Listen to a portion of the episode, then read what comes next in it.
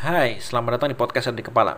Episode kali ini kepikiran setelah saya nonton uh, vlognya Bang Panji Pragiwaksono, weekly vlognya, yang judulnya 0044, yang belakangan ini menunjukkan kalau Bang Panji lagi ada di New York, menjalani mimpinya, berusaha mewujudkan mimpinya untuk bisa hidup di New York dari stand up comedy.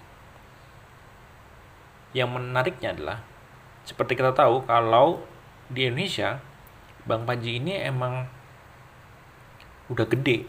Maksudnya dalam artian dia show bikin special show juga.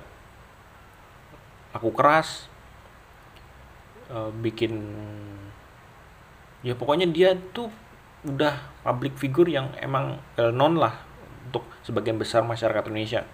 Yang mana memang lebih gampang untuk mendapatkan penghasilan. Karena kan juga dia punya Comika juga kan perusahaan yang memanajeri uh, stand up komedian di Indonesia yang tujuannya adalah supaya stand up komedian atau komika bisa hidup dari karya.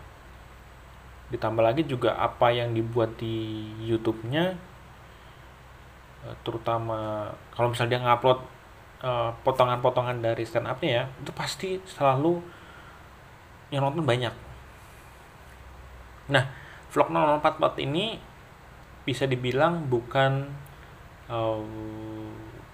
video-video uh, mingguan yang banyak ditonton. Karena memang nggak semua orang bisa masuk. Cuman orang-orang yang mungkin mau belajar bagaimana uh, cara pikirnya Bang Panji atau bagaimana bermarketing cara Bang Panji gitu yang menonton dan itu membuat nggak emang nggak semua orang tahu kalau misalnya Bang Panji itu lagi di New York.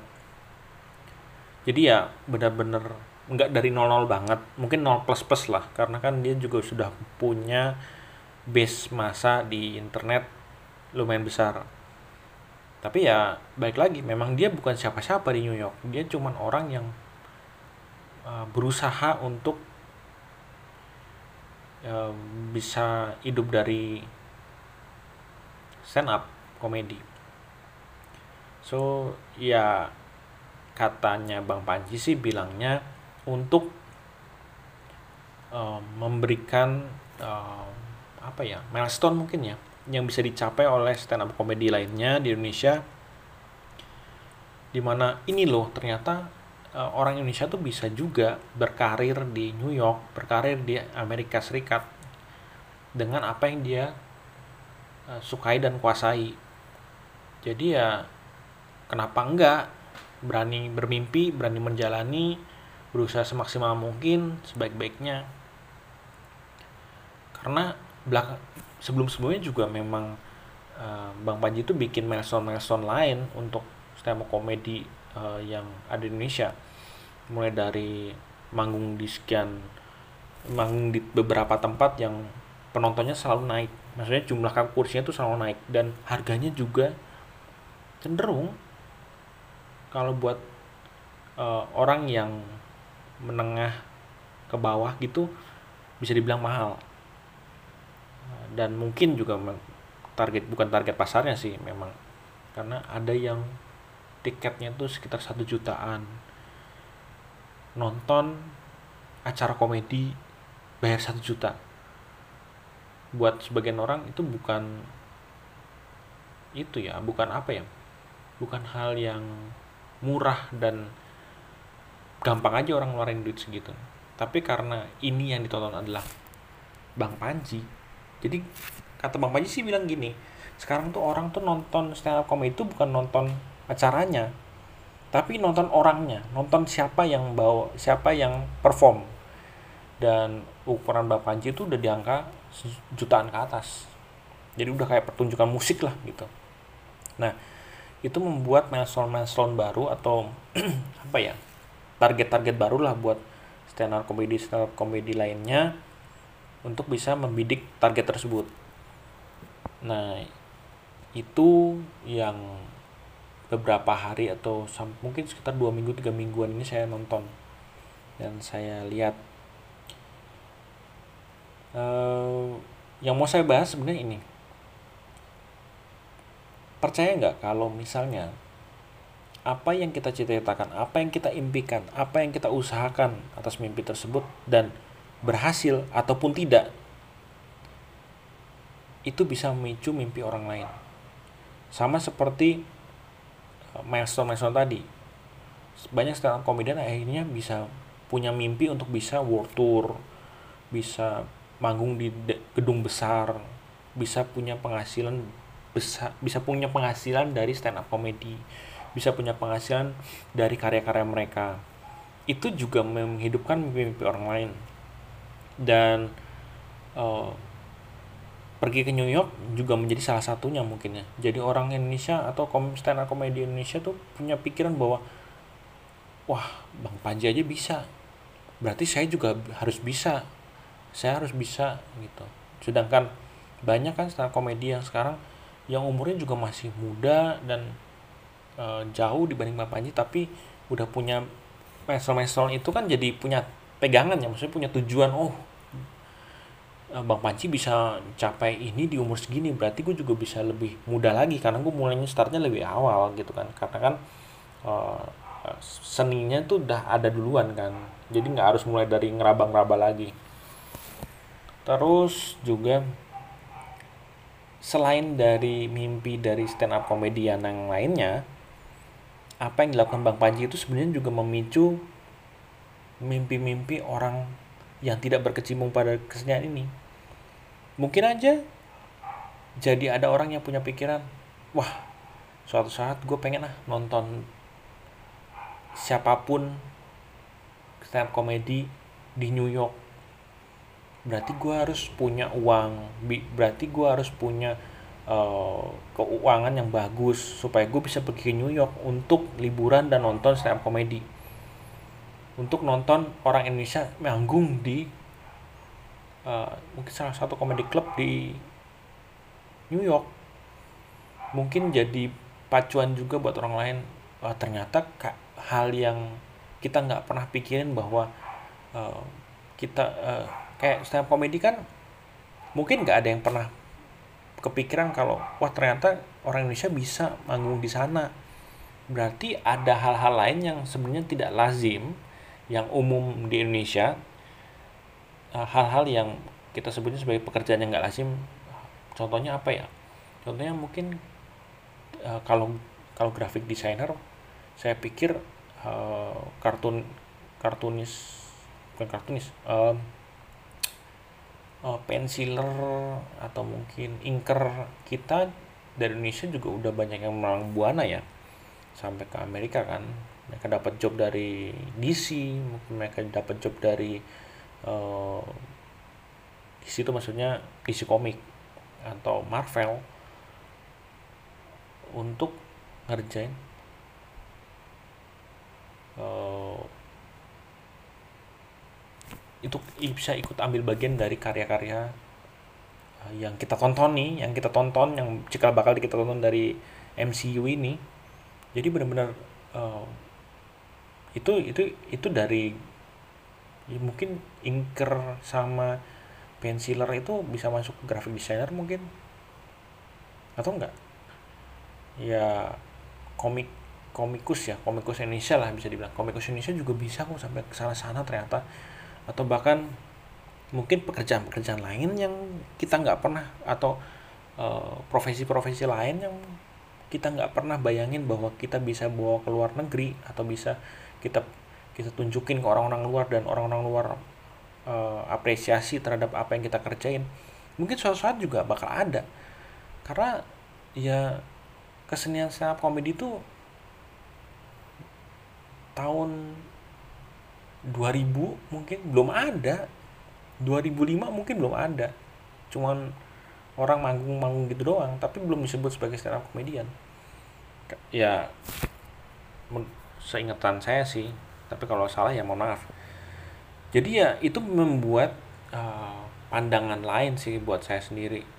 Ternyata hal-hal yang Eh, kita impi-impikan yang mungkin kita nggak pernah kepikiran pada awalnya bisa bisa terjadi. Mungkin juga bisa benar-benar kejadian. Ya asal kita nggak um, menyerah sih sama mimpi kita. Kalau kata Panji sih lagi-lagi mengutip kata-kata Bang Panji sekeras-kerasnya kita pukul mimpi kita dia tuh cuma pingsan. Dan akan bangkit lagi di masa tua kita dalam bentuk penyesalan jadi ya ya saya tahu banyak hal-hal eksternal yang membuat kadang kita punya mimpi sesuatu kita harus modifikasi atau bahkan kita tunda atau bahkan kita pendam uh, karena ada faktor-faktor eksternal yang mungkin tidak semua orang bisa uh, merasakannya. Ada uh, misalnya adalah kita masih nanggung keluarga kita harus uh, berjuang uh, karena kita bukan dari landasan roket kalau bisa dibilang landasan roket yang rata mungkin harus mungkin berbatu mungkin uh, bergelombang. Jadi kita harus ratain dulu itu baru kita bisa bikin landasannya. Mungkin butuh puluhan tahun. Ya banyak hal yang membuat kadang kita melakukan uh, menunda memendam atau bahkan memodifikasi mimpi kita yang sebenarnya awal-awalnya kita niatin untuk kita capai kita usahain. Tapi nyatanya memang ada faktor eksternal itu tadi. Um, hal-hal yang kayak gini tuh memang kadang-kadang bikin sesek sih. Tapi ya sekali lagi mau berumur berapapun punya mimpi dan diusahakan untuk dicapai mau itu umur 30 mau itu 4, umur 40 50 60 selama itu belum mencapai um, gini kalau menurut Vee sih umur 38 itu sama mudanya dengan umur 18 kalau kita bicara tentang uh, mimpi.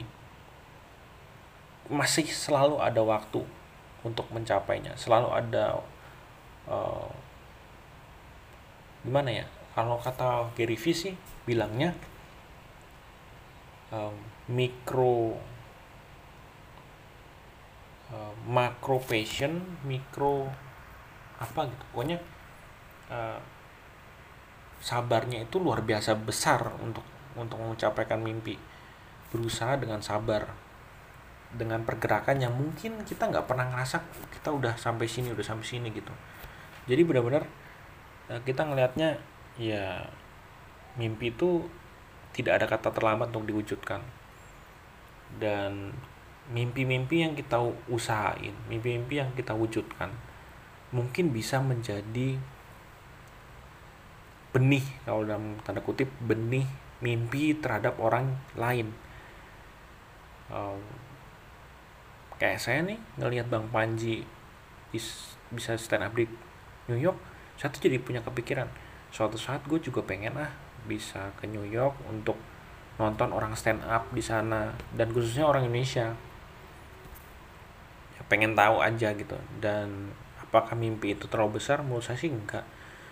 Um, doable even di umur saya yang 30 ini we will see karena ke depannya kita nggak pernah tahu yang penting sih kita usahain aja So buat teman-teman yang punya mimpi yang mungkin ditunda, sempat dipendem, mungkin harus dimodifikasi. Ya pesan saya sih cuma satu. Jangan pernah dimatiin gitu. Karena sekali lagi sekencang-kencangnya kita mukul, mereka tuh mereka tuh mimpi itu cuma pingsan terus akan kembali lagi jadi penyesalan. Kita nggak mau kan hidup di akhir-akhir udah uh, istilahnya udah nggak bisa ngapa-ngapain terus kita nyesel karena kita nggak bisa ngelakuin ini itu. Kita nggak maksimalkan kemampuan kita di masa-masa kita masih produktif. Uh, ternyata ketika kita tua ya ah pokoknya itu hal yang paling menyedihkan sih kalau misalnya menyesal di masa tua. Walaupun sekali lagi uh, harus ada yang diratain dulu istilah-istilahnya. Berapapun waktunya pakai semaksimal mungkin untuk ngeratain seefektif mungkin, seefisien mungkin sehingga kita bisa cepat-cepat bangun landasan dan bangun roketnya.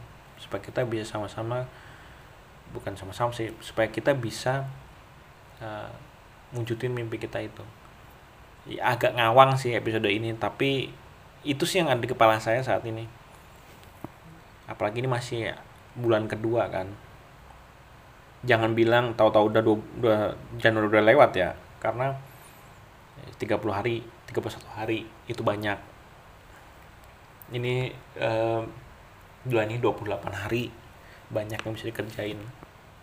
At least jangan buang waktu sia-sia itu aja yang mau saya omongin. Terima kasih sudah mendengarkan. Maaf soal ada suara anjing mungkin kalau kalian pakai uh, headset dengernya atau ada suara toke atau ada suara motor lewat-lewat karena memang saya bikin episode ini di eh, jam-jam masih aktif uh, jalan lewat-lewat gitu. So terima kasih sudah mendengarkan. Hanli Wian pamit. Podcast ada di kepala pamit. Kita ketemu lagi di episode selanjutnya.